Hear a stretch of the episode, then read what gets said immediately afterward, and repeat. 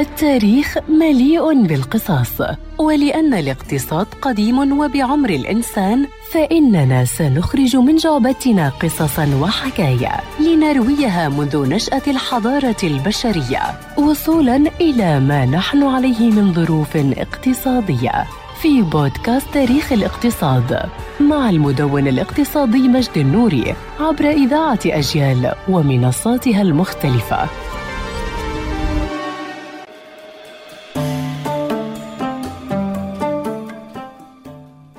قطعت الأقمشة شوطا طويلا بعيدا عن العناصر الأساسية المحسوسة لأسلافنا في الكهوف حيث توسعت الأصباغ والمنسوجات الاصطناعية من حيث خصائصها واستخداماتها. ويقدر المؤرخون أن أول استخدامات للمنسوجات بدلا من جلود الحيوانات فقط يعود تاريخها إلى ما يقرب من مئة ألف عام. وقد اكتشف في موقع من العصر الحجري الحديث في الأناضول. ويعتقد أن هناك أمثلة باقية من المنسوجات تعود إلى ستة آلاف وخمسمائة عام عام قبل الميلاد. ولم يكن هناك سوى الأقمشة الطبيعية المصنوعة من أربعة أقمشة طبيعية بالكامل وهي الكتان والحرير والقطن والصوف. ومقارنة بالتاريخ الطويل للمنسوجات الطبيعية فإن استخدام الألياف الاصطناعية يعد تطورا جديدا للغاية ولم يظهر إلا منذ حوالي 100 عام. ولقد استغرق الأمر أكثر من 200 عام حتى يتمكن العلماء من تصحيح هذه الألياف الاصطناعية. وأخيرا أنتج الكيميائي البريطاني السير جوزيف سوان أول ألياف تركيبية وكشف عنها في معرض الاختراعات الدولية في لندن في أوائل القرن التاسع عشر. ومن هذا التطور ستأتي مجموعة كاملة من الألياف الاصطناعية. ومنذ عام 1910 فصاعدا بدأ العالم يشهد إنشاء أقمشة مثل النايلون والإكريليك والبوليستر والألياف الدقيقة لاحقا.